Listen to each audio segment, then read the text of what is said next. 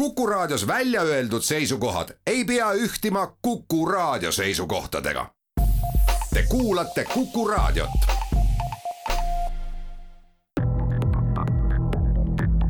krimiraadio, Krimiraadio tere taas, eetris on Krimiraadio ja saatejuht Raul Ranne. tänases saates räägime põhjalikumalt organiseeritud kuritegevusest. saate külaliseks on Keskkriminaalpolitsei organiseeritud kuritegude büroo juht Ago Leis. tere tulemast Krimiraadiosse. tere Ago Leis, me räägime tänases saates organiseeritud kuritegevusest, selle mõjust ja trendidest nüüd läbi aja, aga ma sissejuhatuseks küsiksin, et kas hetkel, tänasel päeval Eestis tegutseb mõni selgema struktuuri ja hierarhiaga organiseeritud grupeering, mida juhib mõni kogu allilmas aktsepteeritud ristiisa? Kahtlemata on ka tänasel päeval olemas grupeeringuid, kus on olemas juhid ja pannakse toime kuritegusid ja on ka liikmed. ega see organiseeritud kuritegevus ongi, et teda täna, tänava peal tavainimesed ta välja ei paista, aga kogenud spetsialistid politseist tunnevad need isikud ära ja tegelevad nendega äh, tuleb äh, siis politsei kiituseks öelda seda, et kui varasematel aastatel äh, isegi ütleme, nii-öelda lihtinimene teadis nii mõndagi grupeeringu liidrit ja teadis võib-olla seda grupeeringu mingisugust nimetust, siis tänasel päeval on osatud ikkagi need asjad hoida nii-öelda vaiba all, et ei kõla need liidrid ega grupeeringud nii võimsalt igal pool jah, et siin peaks vaatama võib-olla natukene minevikku, et kuskil kaks tuhat kaksteist, kaks tuhat kolmteist äh, politsei ja prokuratuur muutsid taktikat, et ei tegelikult enam äh, tõsiste pättide üksikkuritegudega võeti need tõsised grupeeringud, nagu meie ütleme juba juriidilise hinnangu järgi, kuritegelikult ühendust võeti ette need kõige ohtlikumad, mõjuvõimsamad nagu Paulus, Tikajev ja neid menetleti nii kaua, kui vaja oli, et tõendid saaks kokku ja need siis nad kohtu alla anda ja tänaseks päevaks on nad ka pikkade karistustega süüdi mõistetud. see andis muidugi väga tugeva signaaliga organiseeritud kuritegevusele, nii on, nii on saadetud seitse kõige mõjuvõimsamat kuritegelikku ühendust kohtu alla ja on jõud-, jõustunud kohtuotsused ka. et siin viimane ringkonnaotsus tuli veel, mis ei ole äh, lõplikult jõustunud veel, et ootame ka Riigikohu seis, seisukohta kindlasti selles asjas, aga jah, nad on kõik enamuses jõudnud süüdimõistva kohtuotsustega pikkade vangistuskaristustega ja see on kindlasti andnud ka siis sellele organiseeritud kuritegevusele, nende kuritegevusühenduste liidritele ja juhtidele signaali, et riik võtab seda tõsiselt. Äh, nendega tegeletakse ja nad on pidanud natukene, ütleme siis nagu põranda alla rohkem ronima, see tähendab rohkem konspireerima ja legendeerima oma tegevust ja et eh, nad isegi nad on, vahetavad siin hüüdnimesid ja, ja, ja ei taha, et nendega enam avatud liinil suheldakse, kasutatakse erinevaid krüptovahendeid ja nii edasi. jah, nad on mõelnud ka enda turvalisusele järjest rohkem ja rohkem, just selles mõttes, et mitte vangimajja sattuda.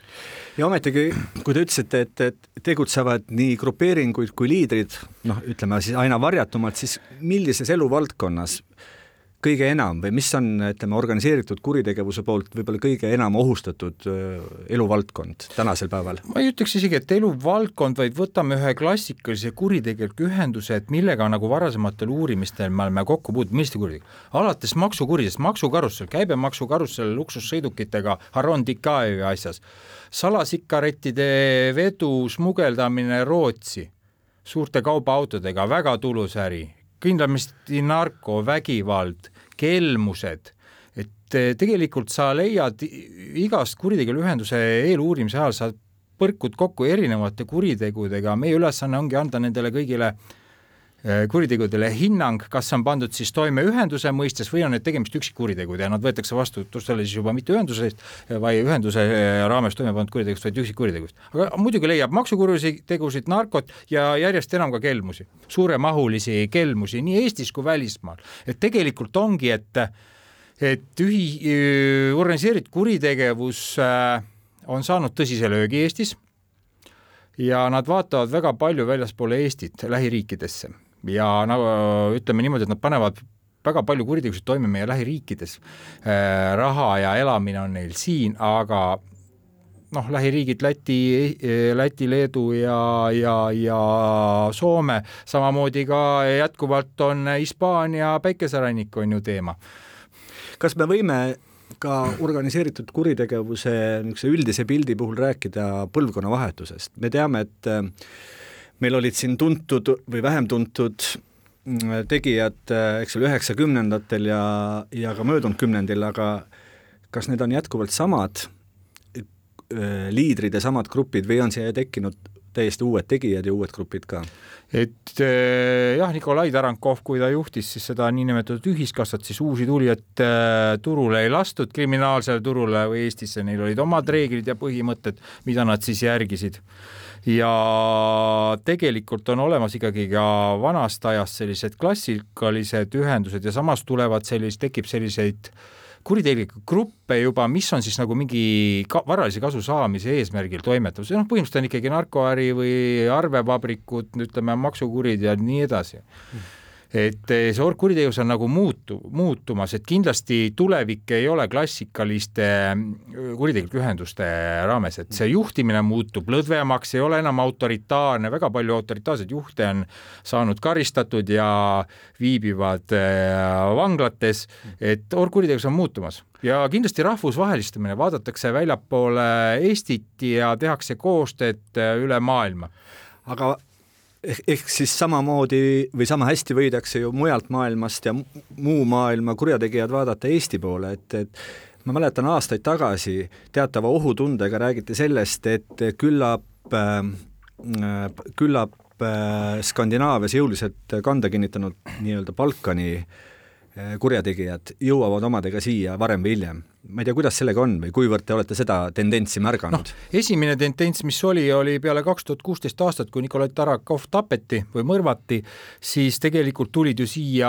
kaks seaduslikku varast tulid maad kuulama. aga need olid pigem ikkagi sealtsamast äh, kuskilt Jah, Gruusiast Gruusia või? Gruusia ja Vene taustaga -hmm. isikud, Tato ja Tato Svan ja Caesar hüüdnimedega tulid, et vaatame, et mis see vaakum siis on, et kas nad saavad siin kanda kinnitada, kuidas neid vastu võetakse noh, pätimaailmas võeti vastu normaalselt, aga riik andis tõsise vastuse neile, nad kip-, kupatati siit sead-, seaduslikult minema. üks oli siis Venemaal tagaotsitav, mis anti Vene võimudele üle ja teise, teisel siis äh, Schengen, elamisluba või Schengeni viisa tühistati ja ta saati välja Euroopa Liidust. et äh, jah, politsei tegeleb sellega koos teiste julgeolekuasutustega, et me ei taha, et siia tuleks uusi gruppe. Ja me katsume äh, võrdlemisi varases staadiumis anda selle sõnumi ka neile, et et ei ole teretulnud siia, kui te tulete siia kuritegevust toime panema, siis te ei ole teretulnud ja samamoodi ka eh, samamoodi see peab ka jätkuma. aga ikkagi need kõneks olnud äh, Balkani grupeeringud, teada on ju, et just nimelt Rootsis näiteks ja ka mujal siin lähe, lähiriikides on need ikkagi päris niisugused tugevad tegijad ja, ja, ja valmistavad seal päris palju peavalu ja noh, Eesti ei ole Rootsist kaugel, ehk et mingisugune tegevus võiks ju siiapoole ka ulatuda ütleme niimoodi, et äh, me monitoorime seda olukorda pidevalt ja kujundame oma tegevusi vastavalt kriminaalsele olukorrale ka organiseeritud kuritegevuse valdkonnas, aga ma ei saaks väita nüüd, et see Balkani probleem oleks nüüd meie probleem. meil on te teisi asju ja probleeme, millega peaks tegelema. jällegi Soome kaudu siin vahepeal üsna jõuliselt tundis Eesti vastu huvi äh, teatud motojõuk, noh, keda Soomes vaadatakse ilmselgelt äh, niisuguse kuritegeliku organisatsioonina, Eestis võib-olla vähem, aga siiski noh, ilmselt on teil ka pilk seal peale. jah, et siin on neid äh, tütar, tütarklubisid või chapter eid loodud, aga nad ei, võib-olla ei ole oluliselt tegelikud Eesti organiseeritud kuritegevuse maastikul, aga politsei tegeleb ja kui on vaja reageerida, siis politsei reageerib otsustavalt. krimiraadio, Krimiraadio. krimiraadio jätkub, saatekülaliseks on Keskkriminaalpolitsei organiseeritud kuritegude büroo juht Ago Leis ja me räägime organiseeritud kuritegevusest Eestis. räägime pisut ajaloost. Eesti allilm on olnud pigem venekeelne meil on olnud siin kõikvõimalike Vene suurlinnade või Vene piirkondade nimetusega grupeeringuid ja need olid omal ajal koondunud justkui niisuguse ühise katusorganisatsiooni alla, mille kutsutigi ühiskassaks. miks läbi aegade Eesti kuritegevus oli venekeelne või on olnud venekeelne? võib-olla võib neid põhjuseid nagu võtta ikkagi sellest Nõukogude Liidu lagunemisest, kui kui Eesti riiki veel ei olnud loodud tekkis see vaakum, äh, suur vabanemine Gorbatšovi ajal, hakkasid ka rahvad liikuma, hakkas ka kuritegevus liikuma ja tuli tõesti Eesti, Venemaa erinevatest geograafilistest paikadest tuli siia erinevaid grupeeringuid Äh, just see suhkruvatt, metalliäri, kooperatiivide loomine, see sattus kõik sinna aega, kus ei olnud regulatsioone, ei olnud paigas, riik, riigi nõrk oli, ka politsei ei, ei olnud veel tugevatel jalgadel, et ühiskond oligi sellises natuke sega, segaduses oli kõik. Et ja ei suudetud siis ka neid korrale kutsuda võib-olla. Ja nad said natukene seda, neil oli nagu hapnikku, mida hingata. aga ma, ma just juhin tähelepanu sellele venekeelsele aspektile, et teadupoolest näiteks Leedus on allilm alati olnud leedukeelne ehk niisugune Leedu, Leedu perekondade käes, kui nii võib öelda, et Eestis ta on olnud millegipärast ikkagi mingite mujalt tulnute käes, et miks see nii on olnud? jah, et Eestis moodustus selline unikaalne süsteem nagu ühiskassa just, kus olid nagu enamus olid ikkagi venekeelsed või Venemaalt sisse sõitnud äh, grupeeringute esindajad, no ka muidugi oli seal ka paar eestlast, aga ega see üheksakümnendatel toimuski see neste laskmine, oligi niinimetatud linnuvabriku ja vene grupeeringud vahelised sõjad, kus siis neid piire kombati, kindlasti vene grupeeringut oli kõvasti rohkem, aga eks see on selle aja fenomen et kui me Nõukogude Liidu osa olime, siis nad pidasid ikkagi võib-olla mõttekaks, et Euroopa poole natukene hakata liikuma ja kannatasid ka, ka panid siin jalad maha siin või kannatasid jah, siin juba Eestis ja ja, ja võib-olla see ei olnud päris lääs veel, et nad jäid siia kuskile vahele pidama. ja, ja hakkasid siis oma kuritegusid toime panema. me mäletame ju ise päris hästi, kui nii-öelda rahvakeeles kutsuti organiseeritud kurjategijaid ka maffiaks. maffia, kui nüüd Itaalia, Ita-, Itaalia suunas vaadata või äh, on ikkagi selline organisatsioon, mis otsapidi tegeleb juba ka päris poliitikaga ja, ja, ja võimu ametliku võimuga ja sekkub nii-öelda riigi poliitikasse ja, ja saan, kin saan kinnitada ja öelda, et Eestis maffiat ei ole, tegelikult kui me loeme siin mingit pealkirju passimaffia või Eesti maffia, siis tegelikult on klassikaline organiseeritud kuritegevus. mis eri, eristab ka, äh, maffiat ja organiseeritud kuritegevust, et maffia juba ürib, pürib juba võimu juurde ja ka siis teatud majandusvaldkonnad üritab siis kontrolli alla võtta noh, see on Itaalia muidugi see kõige klassikalisem, alates mingit kiirteede ehitushangetest kuni Napoli prügiveone või siis meediakompaniid suured keda siis on seostatud maffia, maffiaga. aga kas Eesti on noh, mingisugusel ajal, arenguperioodil olnud sellele olukorrale lähedal, et ikkagi need organiseeritud kurjategijad on olnud võimule juba päris lähedal ja ütleme juba nii mõjukad, et neid on nagu olnud raske ohjata? minu teada ei ole pigem on selline onupojapoliitika olnud, aga see ei ole üldse organiseeritud kuritegevusega seotud. et, et seda, et seal ja. mingisuguse kurjategija mm, mõju tõttu riik on jaganud seal mingeid toetusi või, või teinud mingisugused otsused, et sellel organisatsioonil oleks seal kuidagi parem tegutseda, seda pole olnud? ei, sellist mõju nad ei ole saavutanud Eestis. kui tagasi vaadata, mis on olnud need ähm, majandusvaldkonnad või, või tegevusnišid, kuhu tavaliselt on meil see organiseeritud kuritegevus kõige kärmemini nagu külge hakanud, et, et kui nüüd tagasi vaadata noh, tagasivaates võimegi siis need kallid äh, muldmetallid, äh, kallid metallid, kogu see Mendelejevi tabeli kallim osa, ütleme nii, siis äh, kütuseäri kindlasti. Kindlasti alati on ka maksu, maksudega siis trikitatud ja optimeeritud neid makse, arvevabrikud, siis on ka igas grupeeringus on ka narkoäri olnud olulisel kohal, et need, eks need ongi need põhivaldkonnad kus seda kriminaalset tulu teenitakse. ma mäletan, et kunagi üsnagi palju räägiti sellest, et et organiseeritud kurjategijad on sedavõrd mõjukad või need organisatsioonid siis, et nad suudavad ka juba üsna noh, kõrgelt haritud mm, majanduspetse, pankureid ja, ja juriste palgata just nimelt seetõttu, et et eh, noh, minna kuhugi peenematesse äridesse, kuivõrd see areng on nüüd eh, toimunud, et eh, jah, et me tegelikult on ju niimoodi, et eks siis ka igal kuritegelikul ühendusel on mingid äh, juristid või, või siis ütleme, niinimetatud skeemimeistrid, kes siis aitavad ja nõustavad, kuidas siis teatud finantse siis võib võib-olla kuhugi edasi investeerida juba, et saavutada seda ärimehe reputatsiooni, laitmatut reputatsiooni. et kindlasti see käib ajaga kaasas kuhugi tuleb see krimmtulu ka ära paigutada niimoodi, et õiguskaitseorganid sellele jälile ei, ei jõuaks. just nimelt, et äh, rahapesu on see terve valdkond, jah? nojah, me võime rääkida siin ka rahapesust või, või ikkagi sellisest maksude kuritegust, et eh, luuakse neid riiulifirmasid ja esitatakse erinevate ettevõtete arveid ja mitte ainult Eesti-siseselt, üle maailma kirjutatakse arveid ja see teeb õiguskaitseorganitele väga raskeks seda jälge taga ajada ja alguspunkti tagasi kerida, sest rahapesu puhul on ikkagi tähtis eelkuritu-, eel, eelkuritegud tuvastada. Me põgusalt enne rääkisime Tarankovist, Nikolai mhm. Tarankovist äh, ja siis tema juhitud Ühiskassast. Äh, milles see fenomen oli, et ta nii pikalt püsis äh, noh, nii-öelda võimul ja, ja hoidis siis siin Eesti allilma ohjes, kui nii võib öelda, et, et kõik, kõige lihtsam on vastata sellele, et ju siis tegi allilmas, tema oli nagu sellise kohtuniku roll, ju ta tegi siis allilmas rohkem õigeid otsuseid või so-, meeldivaid otsuseid ja õigeid otsuseid kui mitte õigeid otsuseid, et muidugi tema elu kallale on aastate jooksul kiputud, aga ikkagi tal oli, teda ikkagi tunnustati ja aktsepteeriti, need, kes seal laua taga istusid, need olid siis tema otsustanud, et tema on see mees kes seal nagu on kohtunik siis nende vahel, mõistab õigust. see ongi see negatiivne võim, et riigi, riigivõimu kõrval tekkis veel selline moodustis, kus siis aeti, aeti asju oma reeglite järgi, kriminaalse maailma põhimõtete järgi paralleelselt ja sinna jah, pöördusid ka kahtlase, kahtlase halli ära ärimehed, kes oli kellele võlgu jäänud, mida ei saanud kohtusse viia asju, siis neid asju siis nüüd ütleme niinimetatud menetleti seal all maailmas. Mhm. muidugi sealt võeti see suur kasu, võeti kõik endale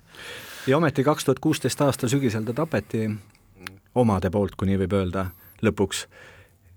mida see näitas, et ta ikka siis mingil hetkel oma mõjuvõimu kaotas või siis see oligi ilming sellest, et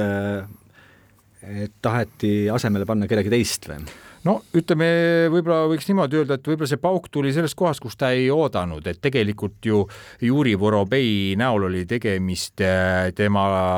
tuttavaga siis, kui Juri oli veel väike laps, nad tundsid üksteist. Juri Vorobei jaoks oli Nikolai Tarov onu, djädka hmm. vene keeles öeldes, sest tema isa oli Tarankovi väga hea sõber ja, ja tegelikult seal ikkagi see, see pilt, mis rullus lahti seal kohtueelsel uurimisel ja neid ütlusi, mida, mida Juri Vorobei ise andis eh, eeluurimisel, et noh, me, me peame nagu sellest lähtuma, me ei saa öelda, et kas kõik on õige või ei olnud õige, aga sellist juttu ta rääkis. ja sealt ju rullub lahti, et ta teenis mingi hulga raha, seitsesada tuhat circa eurot, see, mis investeeris, mida ta investeeris kütuseärisse ja kus see raha kadus. ja siis ta ei saanud õiglust, ta ei läinud kohtusse asja ajama, vaid ta pöördus Tarankovi poole, ütles, et mul on tehtud liiga, palun aita. pöördu nende kahtlaste, kahtlase taustaga kütuseärimeeste poole, küsi, kus mu raha läk-, kadus. Ja palun küsi see tagasi. Ja sealt see konflikt nagu hakkaski ja Tarankov, kui ta eeldas, et ta saab Tarankovilt abi, siis ühel hetkel Tarankov ütles, ei, see raha läinud, sa oled ise võib-olla mitte õieti käitunud ja seda raha sa ei näe. Ja sealt hakkaski see konflikt edasi minema. ta pettustas kui inimeses ja kellelt ta lootis ja keda ta oli ka toetanud aastate jooksul teatud, teatud tehingud, sest me saame ju praegu juba rääkida tegelikult, et peale, peale Tarankovi tapmises Juri Vorobei kasutas inimesed rullus lahti ka see fentanüüli lugu. fentanüüli, kus ta andis juba vabatahtlikult, andis väga suured kogused, kilod välja, väga kanget fentanüüli, millega ta oli nähtavasti tegelenud juba aastaid Eesti turul ja ikkagi, kas siis Tarankov oli selleks ajaks kaotanud ähm, oma mõju, et ta ei suutnud otsust äh, teha või ta ei, ei pidanud seda Vorobeid piisavalt tugevaks tegija, tegijaks, et no. temaga nagu tõsisemalt tegeleda või noh, mingit võib-olla äh, võib-olla võiks niimoodi öelda, et äh, ta küsis nõu ja uuris asja, aga võib-olla need inimesed, kes talle nagu seda pilti maalisid, ei maalinud seda pilti päris õieti, anti talle natuke teine pilt asjaoludest. ja siis tal jäigi otsustada, kas Vorobeil on õigus või teisel poolel on õigus ja ta kaldus teisele poole, tal oli sellised, ütleme jutumärkides halbu nõunikud, kes andsid talle halbu nõu, sest raha oli läinud ja võib-olla nad olid ise ka midagi sealt teeninud, sealt vahelt. ja kuna Trakov ju ise tegelikult oli tal ka mõnikord noh, nüüd võib juba kuulajatele rääkida, et, et et tal oli selline komme mõnikord öelda, et mind ju kohal ei olnud, kui see jama juhtus, mina kuulan ainult ühte poolt ja teist poolt ja mina pean otsustama. onju, mind ju kohal ei olnud, onju ega tal ei ole ka tõendeid, keegi ei esitanud mingeid mm -hmm. tõendeid seal, vaid ta kuulas mõlema poole jutu ära ja siis katsus mingi otsuse teha ja no ei läinud need otsused kõik alati niimoodi. no ma ei... oli, oli pettunuid. oli pettunuid ja, ja, ja et huvitav on lihtsalt see, et aastate jooksul või aastakümnete jooksul siin suhteliselt siiski eh, selliseid otsuseid teinud, et jäeti ellu, siis lõpuks ikkagi tegi selle, eh, astus sinna, sinna, kus juba eh, leiti, et ta enam ei ole adekvaatne õigeid otsuseid tegema või selle positsiooni peal enam see õige inimene, jah vähemalt ühe mehe jaoks, jah? noh, tema jaoks oli, ütleme selle inimese jaoks oli kindlasti see pettumus, ta ei saanud abi, mida ta lootis ja see otsus ei olnud tema jaoks õiglane ja siis ta läks kohut mõistma juba relvaga sinna Läänemaale, mereranda. kui Karan-, Tarankov äh, tapeti, siis loomulikult hakati ju kohe rääkima sellest, et ees on tulemas verised ajad, sest noh, uue liidri esile kerkimine noh, kõigepealt tähendab seda, et eh, noh, see keegi peab endale selle koha välja võitlema ja, ja, ja, ja pole selge, kes selleks üldse saada võib ja võiks. Te nüüd mainisite ka enne, et, et siin käisid ka mujalt nii-öelda endise Nõukogude eh, Liidu aladelt eh, nii-öelda järelma, järelvaatajaid ja uurijaid, et, et kuidas siin siis ikkagi olukord on, aga kuivõrd siin Eestis ikkagi otsite siis seda uut kohtumõistjat või uut ülevaatajat? jah, et äh, alguses see tahe oli leida ja teha kõik, et see kõik jätkuks samamoodi, et valitakse üks liider, kes sobib kõigile. aga noh, nagu on ka igal pool on olemas äh, kuritegevus maailmas on opositsioon ja koalitsioon, et ei, kõigile ei sobi ükskõik, mis kandidaat välja, välja käidi, ei sobinud see kõigile, ei saadetud konsensust ja kuidagi hakkasid need leerid üksteisest nagu äh, eralduma, jah, pakuti veel, et teeks mingi troika ehk kolmiku paneks juhtima või viisiku, toome sisse välismaalt kedagi, no niinimetatud seadusvald, ega neid versioone oli õhus, aga nad mitte milleski ei suutnud kokku leppida. Tegelikult üks klassikaline näide, mis selle tagajärg oli võib-olla siis seal metropolis see tulistamine, kus ühte Ahmed Ostojevi lähedast isikut tulistati siis jalga, Patas Okogia tulistas. Mm. -hmm. Ostojev oli üks neist, kes võib-olla pretendeeris sellele allilma juhi kohale. jah, ja see oli nagu enneolematu ka politsei jaoks, kus siis see isik astus ise üles meedias, ütles jah, et mind nähakse selle järgmise juhina, et mm. see on absoluutselt uus lähenemine äh, kuritegevusmaailmas ka, et hakatakse ennast nagu esiplaanile tooma. Mm.. krimiraadio, Krimiraadio krimiraadio jätkub, tänase saate teemaks on organiseeritud kuritegevus Eestis ja saatekülaliseks on Ago Leis Keskkriminaalpolitseist. Ago Leis, viimase kümne aasta jooksul, nagu me ka eelnevalt rääkisime, on äh, Keskkriminaalpolitsei või politsei laiemalt väga-väga tõsiselt puistanud Eesti allilma suuremaid grupeeringuid, võtnud neilt mõjujõu ja tähtsuse. kas me saame öelda, et Eesti organiseeritud kuritegevus või Eesti allilm on vabanenud sedasi ka sellest Nõukogude pärandist, et meil ei ole enam ei Permi grupeeringuid, ei Keemiaraua grupeeringuid, ei Tšetšeeni ega Aser-, Aserbaidžaani mingisuguseid äh, grupeeringuid, et meil ongi selles osas plats puhas ei, seda ei saa kindlasti väita, et on neid jäänukeid olemas ja on ka olemas selliseid äh, juhte, kelle ümber on ikkagi koonduvad mingid inimesed. et ikkagi organiseeritud kuritegevus ka areneb läbi evolutsiooni, jah, see Vene äh, Vene kuritegeliku maailma põhimõtted, niinimetatud panjatjad, need aetakse selja taga, tegelikult praegu öeldakse see, et money talks, see, kes suudab genereerida sellist äh, krimmitulu, raha, on nutikas, on rahvusvaheline, sellel läheb hästi. Ja selle, nende inimeste ümber siis äh, koondutakse ja seal siis need rahvusvahelised transnatsionaalsed kuritegelikud võrgustikud juba pakuvad kõike. Rääkige, millega tänapäeva allilm noh, tegeleb, kui detailsemalt rääkida, te ütlesite, et noh, nad on rahvusvaheline, et noh, kuidas see käib või mismoodi see välja näeb? eks see käibki, et eks see meie jaoks ka näiteks üks väga-väga-väga selline huvitav äh, moment oli, kus siis see FBI läbi viidud see Anom operatsioon, nende krüptotelefonide, kus kurjategijatele äh, FBI sokutas krüptotelefonid, nad hakkasid siis konspireeritud läbi selle siis seal suhtlema sõnumid ja siis tegelikult ju õiguskaitseorganid jälgisid seal neid sõnumeid mm -hmm. üle maailma ja siis nä-, äh, saime ka nagu Eesti sai pildi ette, et tegelikult kui lai see on ja kuidas need kokkulepped sõlmitakse ja noh, võin näitena tuua näiteks, et kui sul on vaja kümme kilo, kilo näiteks kokaiini liigutada kuskilt, ma ei tea, Ladina-Ameerikast, sa ei tea, kes sulle seda logistikat teeb, siis sa said sealt chatis nagu küsida ja läbi tuttava tuttava jõuti näiteks kellegi hollandlase või dominikaanlasena, kes siis ütles, aga seal sadamas on mingi jaht, sinna tuleb üks saadetis ja sinu, räägi ka nendega, et sinu oma ka võib-olla võetakse peale komplekteeriti nagu pagas, ütleme niimoodi mm -hmm. kokku. see näitas tegelikult, kõik teevad koostööd, et tegelikult eesmärk on ju teenida raha ja tulu võimalikult väikese. ja mitte kedagi ära ei unustata, kes on osutanud abi siis selles kuritegelikus võrgustikus no mul näiteks tuleb meelde, et siin üsna hiljaaegu võeti Eestis äh, kas Muuga sadamas vahele suurem konteineritäis kokaiini, kui ma õieti mäletan, ja sellest oli ka siin-seal juttu uudistes ja mujal ajakirjanduses. ja kohe maid hakkas mind huvitama, et kes on see Eesti-poolne logistik siin, et kas te olete näiteks avastanud, et pealtnäha niisuguse toreda ja tubli ettevõtte sildi all tegutseb kuritege-, kuritegelikus maailmas kätt sees omav mingisugune tegelane? minu teada kedagi Eestis selle kuriteosega ei kahtlustata ega ei ole ka kinni peetud. pigem me oleme nagu näinud seda trendi, et siin tuleb, tegelikult need põhjused on natuke kaugemal juba mm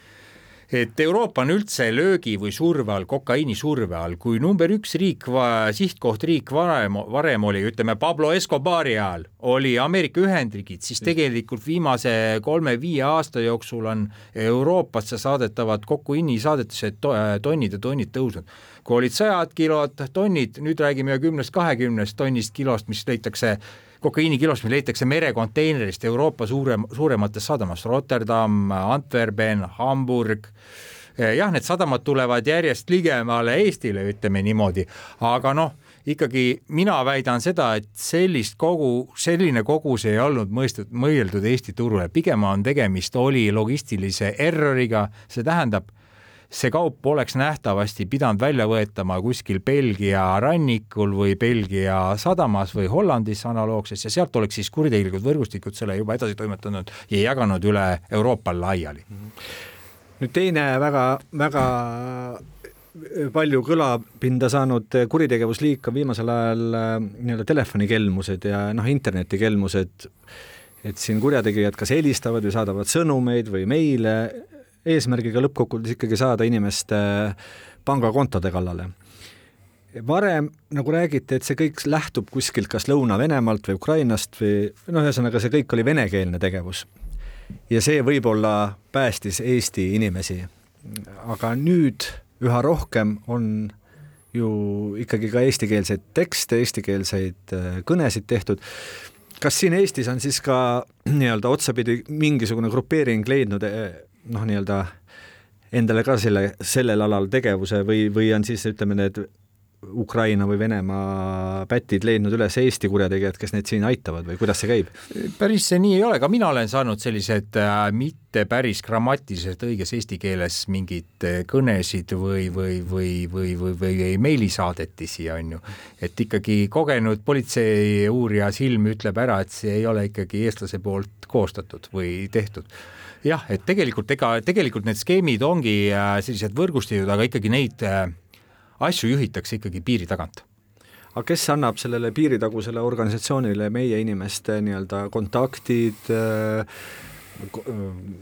meiliaadressid ja kõik selle? Et... tegelikult need on internetis kätte saadud, eks seal on ka olemas sellised arvutihäkkerid või kurud, kes siis võimaldavad, tõmbavad neid andmeid kokku internetist, see kõik need andmed, mida inimesed on ise äh, ise nagu võib-olla kuhugi andnud ja mis on nagu avalikkusest kättesaadavad, et tegelikult me iga päev anname igale poole andmeid ja me ei mõtle, mõtle, et eh, kuhu nad võivad sattuda või kelle kätte nad võivad sattuda, selliseid delikaatseid andmeid.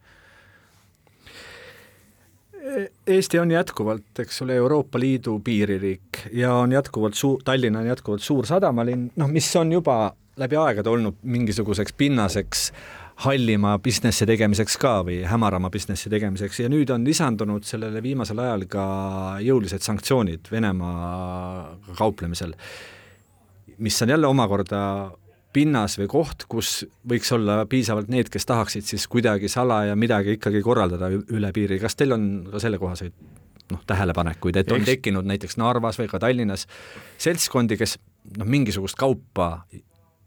tahaksid üle viia no, või vastupidi no,, vastu võtta vaadates, Venemaalt? millised, millised sanktsioonid on Venemaa ise ka äh, ise nagu kehtestanud, näiteks et viimane on see Apple'i toodetega, mida Putin kehtestas, on ju, et Apple'i tooteid enam ei tohi müüa Venemaal, et noh, siis tekibki see surve salakaubana neid siis Venemaale vida, vedada, et samamoodi seda kallist elektroonikat, ma ei tea, luksuskaupu ja nii edasi, autodest kuni jah, mingi kasukateni või mida iganes on ju, kallite Louis Vuitton kottide, tegelikult see surve on olemas, need sanktsioonid tõesti äh, võib-olla annavad nagu äh, tuult tiibadesse nendele salakaubavedajatele, smugeldajatele, toidavad neid nagu.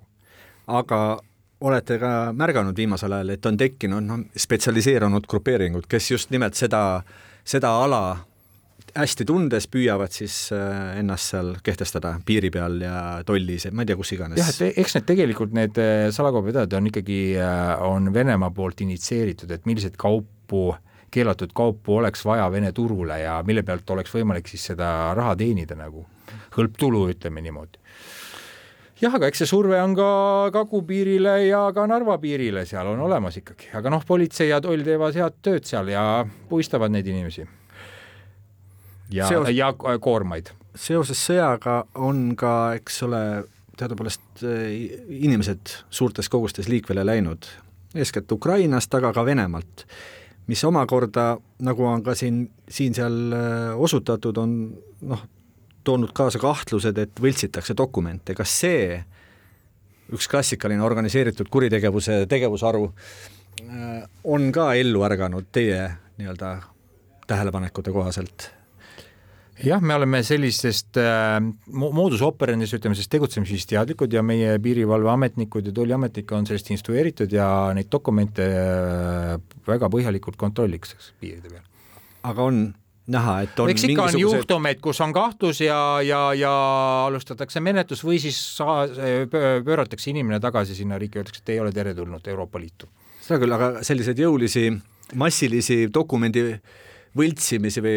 või ütleme, selgeid märke no, sellest, et kuskil on dokumendivabrikud. Jah no,, eks sai... neid ikkagi on, et kunagi mm. olid jäti, näiteks olid väga populaarsed orgkuritegevus Läti, Läti juhiload, eks, väga ah. halva graafikaga prinditud Läti juhiload, EU Läti juhiload ikkagi, aga liikmesriigid ka suhtlevad omavahel, kui hakkab ühes kohas neid ilminguid tulema, siis tegelikult Euroopa Liidu siseselt antakse kohe teistele riikidele, meil on sellised juhtumid, see on tõusutrendis, palun pöörake tähelepanu ja siis ta hakkab ühel hetkel jälle hääbuma, sest need asjad ei lähe läbi. ametnikud tuvastavad ja leiavad need rikkumised ja võltsingud üles. aga selliseid asju, et keegi raha eest aitaks suuremas hulgas inimesi üle piiri näiteks Eestisse või noh, siis laiemalt Euroopa Liitu, jällegi üks üsna levinud äh, allilma või organiseeritud kuritegevuse niisuguseid tegevusvaldkondi, et kas see on seda nüüd vot viimasel ajal, viimastel no, viimasel ei ole, aga ma võin näha. tuua nagu paralleeli, et kunagi ka Keskkriminaalpolitsei tegeles sellise inimkaubanduse toetamise või haruga, nagu oli, et vietnamlasi toodi üle siin äh, Pihk, Pihkva poolelt Eesti poole ja ega need, nad ei olnud määratud elama Eestisse, vaid nad pidid kiiresti Poola jõudma ja ootasid, muidugi Eestiga seotud isikud ootasid, meie nimetasime neid taksojuhtideks, piiri ääres paar kilomeetrit kaugel, võtsid autosse, poole tunni pärast nad olid ületanud juba Läti piire ja olid teel Poola poole, jah mm on neid inimesi, kes osutavad inimkaubitsejatele abi, aga muidugi praegu me näeme survet nagu Balkanile. Et need ikkagi need pagulased, mis tulevad läbi Türgi Euroopa Liitu sisse, et see surve on päris suur, seal. On ju meediast läbi käinud ka Ungaris, kus Eesti, Eesti taustaga rekkajuhte või kaubaautojuhte on kinni peetud, mitte üks et ikkagi nemad ei ole see organiseeritud kurjuse või selle inimkaubanduse tipp, vaid nad on ikkagi teenuse osutajad, nad võtavad punktist A punkt, inimesed peale inimeste grupi ja viivad punkti B. muidugi, mis võib juhtuda see, et hoitakse neid inimesi seal, neid ohvreid, inimkaubanduse ohvreid ebainimlikes tingimustes, nad võivad lämbuda seal äh,, hapnikku on vähe, neid väga tõsiseid ja raskeid juhtumeid on ju olnud ja, ja neid on ka väga rängalt maksimaalse karistusega karistatud. aga see näitab seda, et kuskil on ikkagi keegi nii-öelda logistik, kes kogu selle äh, kauba sinna auto peale organiseerib ja selle autojuhi sinna vastu organiseerib. iga, see on äh, rahvusvahelise organiseeritud kuritegevuse inimkaubitsejate võrgust ja igas riigis on mingi isik, kes vastutab mingi lõigu eest, aga keegi kuskilt, näiteks ütleme, ta ei pea, pruugi olla see inimene, kes seda kõike tegevust koordineerib ja pärast väljamakseid teeb, ta võib olla üldse kolmandas riigis Euroopa Liidu väliselt. ja seda kõike tehakse krüpteeritud äh, sidevahendeid kasutades ja mis tähendab, et väga keeruline on neile jälile saada. jah, aga tuleb tööd teha ja küll siis ka ühel päeval need kõige suuremad istuvad. väljakutseid on, ütleme niimoodi õiguskaitseasutustele. krimiraadio, Krimiraadio. krimiraadio jätkub Keskkriminaalpolitsei organiseeritud kuritegude büroo juht Ago Leis, kui proovida ennustada, kuhu suundub organiseeritud kuritegevus lähima aastakümne vältel, et, et mis on see valdkond, kus teie näete, et on nagu kõige sellisem ohtlikum selles mõttes? jah, et võib-olla ma alustaks juba sellest, et eh, kui vaadates tagasi, et viis-kümme aastat tagasi, millised olid meie menetlused Keskkriminaalpolitseis või organiseeritud kuritegevuse büroos, siis siis tänasel päeval ma võin väita, et minu büroos praktiliselt ei ole ühtegi menetlust, kus rahvusvahelist koostööd ei ole vaja ka teha, see tähendab, need on juba kõik piiriülesed juhtumid et see on juba esimene, see tähendab ka, et organiseeritud kuritegevus, Eesti organiseeritud kuritegevus ongi ka läinud üle piiride. Samamoodi võtame need võib-olla need rahvastikurände, on olemas ju sõjapõgulased on ja ka majanduspõgulas, pagulased on ju, põgenikud. et kes siis võivad langeda organiseeritud kuritegevuse ohvriks või siis organiseeritud kuritegevus teenib nende pealt ja siis võib-olla veel need inimesed üldse, me ei tea üldse, mis, mis ülesandega või, või mil-, milleks nad on üldse Euroopa Liitu tahavad siseneda, on ju, et äkki neil on mingid väga kurjad plaanid. et ei ole selline klassikaline äh, kuritegevus, vaid äkki on üldse mingid ekstremism, terrorism, on ju et need on tegelikult tõsised äh, probleemid ja et need terad sõkaldest eri, eraldada, see on suur väljakutse kõigile liikmesriikidele. see, et äh, rahvad liiguvad viimasel ajal ja liiguvad ühes nendega ka nii-öelda tavad, kokkulepped ja ka võib-olla liigub kuritegevus koos inimestega, et, et kas te seal näete ohtu, et on lähimal ajal noh, midagi juhtumas, näiteks kas või seesama äh, suur äh, viimase aasta jooksul Eestisse tekkinud ukrainlaste kogukond, et seal tekib ka noh, oma kuritegevus oma, oma kogukonna seas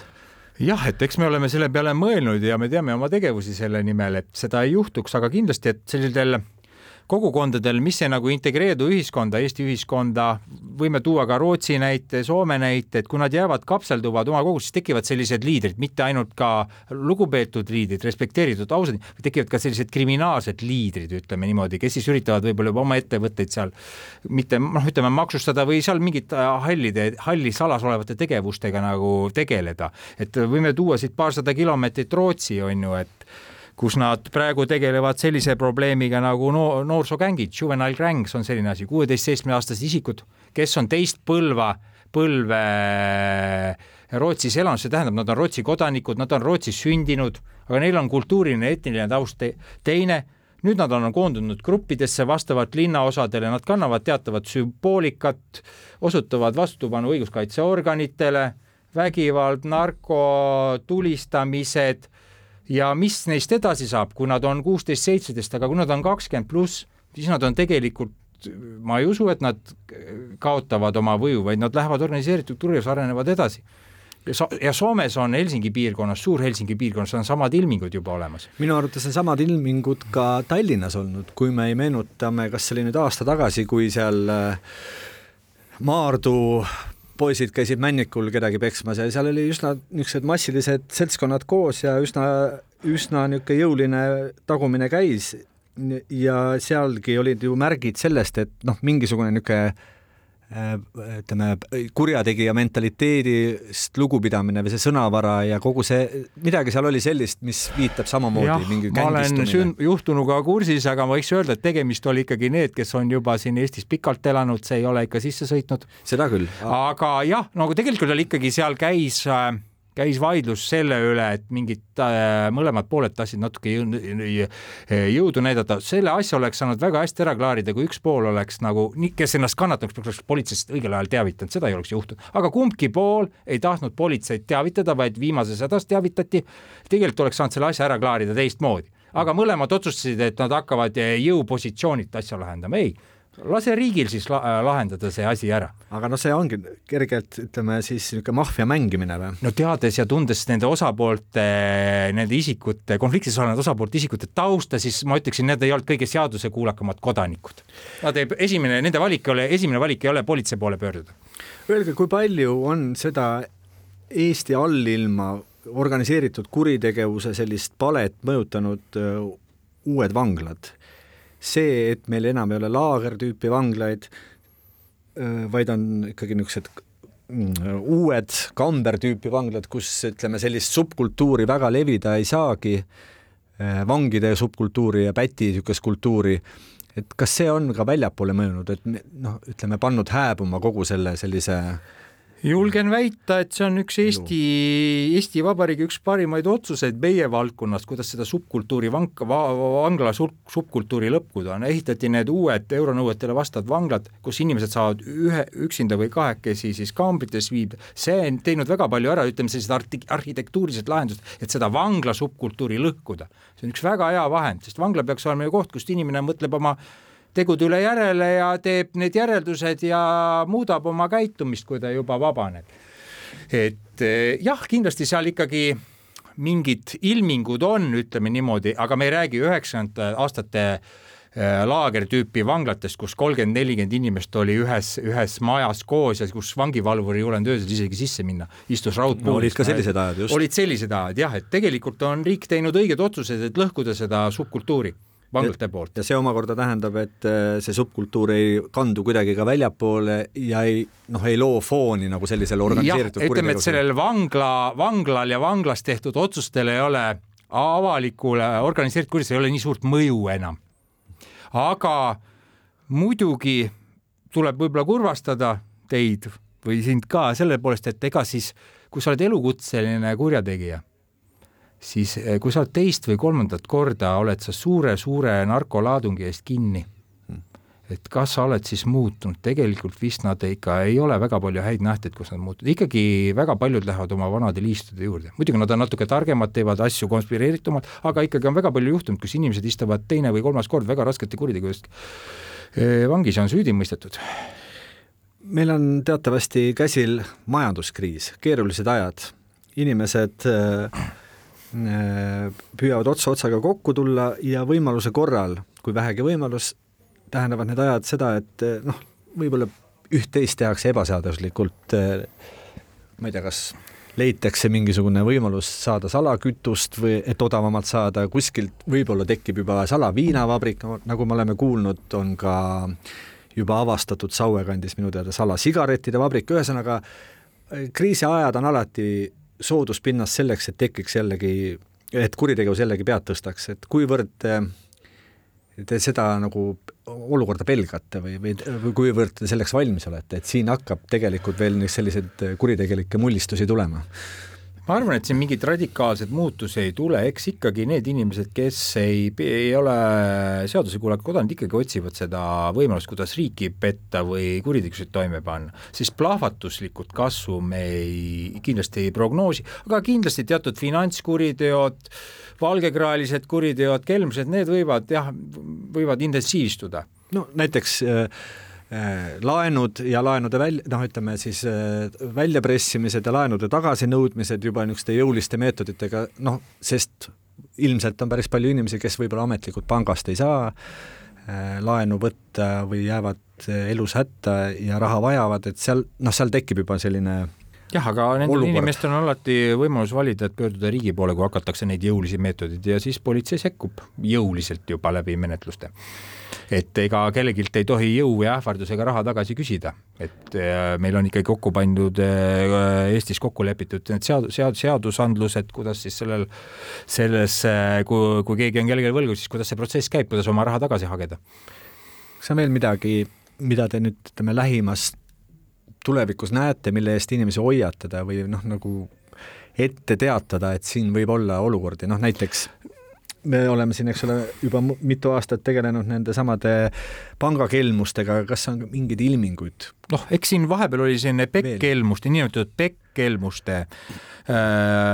laine, et võib-olla äh, ära seletada, milles see seisnes, see oli see, tähendab siis, et kuskil saadakse kahe ettevõtte kirjavahetus kätte, kui raamatupidajate kirjavahetus kätte, meilid, sealt saadakse see arve, muudetakse ülevalised pangakonto rekvisiidid ära ja siis, siis nagu teise firma koostööpartneri nimelt saadetakse arve, palun maksa ära, raamatpidaja, kes on juba kümneid aastaid võib-olla teinud neid väljamakseid igakuiselt teisele ettevõttele, ta ei nagu ei vaatagi seda pangakontot rekvisiiti ja jah, ja ta jõuabki siis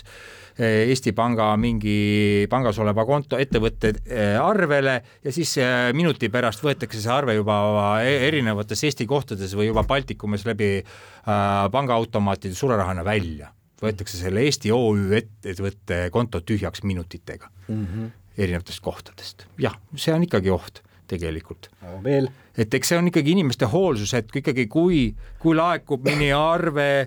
Eh, email või mingi kahtlane palve, mis on nagu tavapärasest käitumismustrist väljas, siis tas-, kindlasti ei tasuks kiirustada tasuma, vaid tasuks helistada need, küsida oma partnerilt, kas sa ikkagi oled seda arvet väljastanud mulle, kas sa ikkagi mõtlesid seda või, või ma saan valesti aru, et tasub ikkagi kont-, hoolsus, ikkagi me paneme ise natuke rohkem hoolsamad ka, et me, ongi, et äris, ma saan aru, on usaldus, ongi see kõige tähtsam, et et nagu ka Eesti juurkuritegevus paneb toime kelmusid Skandinaavias ja nad on ära tabanud ka seal, et eh, Skandinaavia ärikultuur on, et noh, partnerid usaldavad üksteist, et mm. ei olegi sellist, et keegi kedagi petab. et eh, jah, need võib-olla ka ettevõtete pankrotistumine, kas kõik pankrotid on nagu sellised põhjendatud ja nii edasi, viiakse lihtsalt ettevõtetes tulevikus raha välja, kui on häda käes ja nii edasi, et noh, aga ma ei näe siin mingit massilist mingis kuritegevuse valguses, et meil to toimub mingi massiline hüpe halvemuse pooles.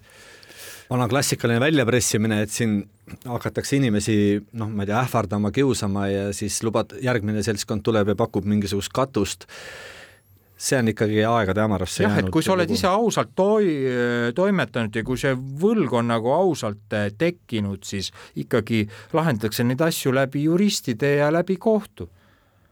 mitte läbi siis sellise hämarate äh, tegelinskite, ütleme niimoodi. ise saab ka väga palju ära teha, et mitte nende mõju alla sattuda, orgkuritegevuse mõju alla, kui sa käitud õieti ja, ja isegi kui sa oled nagu midagi toime pannud või oled seda ebaseaduslikku tulu teeninud, ikkagi sa võid tulla politseisse rääkima, et ega siis kriminaalmenetlus on see viimane abinõu, millega sekkutakse, aga politsei annab ka väga palju soovitusi, kuidas käituda edaspidi ma või, ma ei saa rääkida konkreetselt, aga me oleme soovitanud, kõige esimene soovitus on näiteks, et konsulteeri oma juristiga, kui jurist on aus, seaduslikus inimene, siis siis juba pooled probleemid kaovad ära, see teine pool põrkub tagasi, kui hakatakse asju nagu ausalt ajama, palun esita nõue, motiveeri, miks? Me oleme võlgu, nii edasi. ja siis paljud inimesed juba ütlevad, põrkuvad tagasi, ütlevad ei et tegelikult ongi see, et ega politsei ei ole karistav organisatsioon, Keskkriminaaalpolitsei, vaid me oleks väga huvitatud, kui sellised inimesed pöörduvad, meil on päris häid äh, nõuandeid neile. me ei, mitte me ei võta kõiki vastutusele vot selle teadmisega peame tänaseks lõpetama, aeg läheb paraku kiiresti, Krimiraadio saigi läbi. keskkriminaalpolitsei organiseeritud kuritegude büroo juht Ago Leis, ma tänan teid saatesse tulemast. järgmine Krimiraadio on eetris järgmisel reedel. tänud kutsumast Krimiraadio. krimiraadio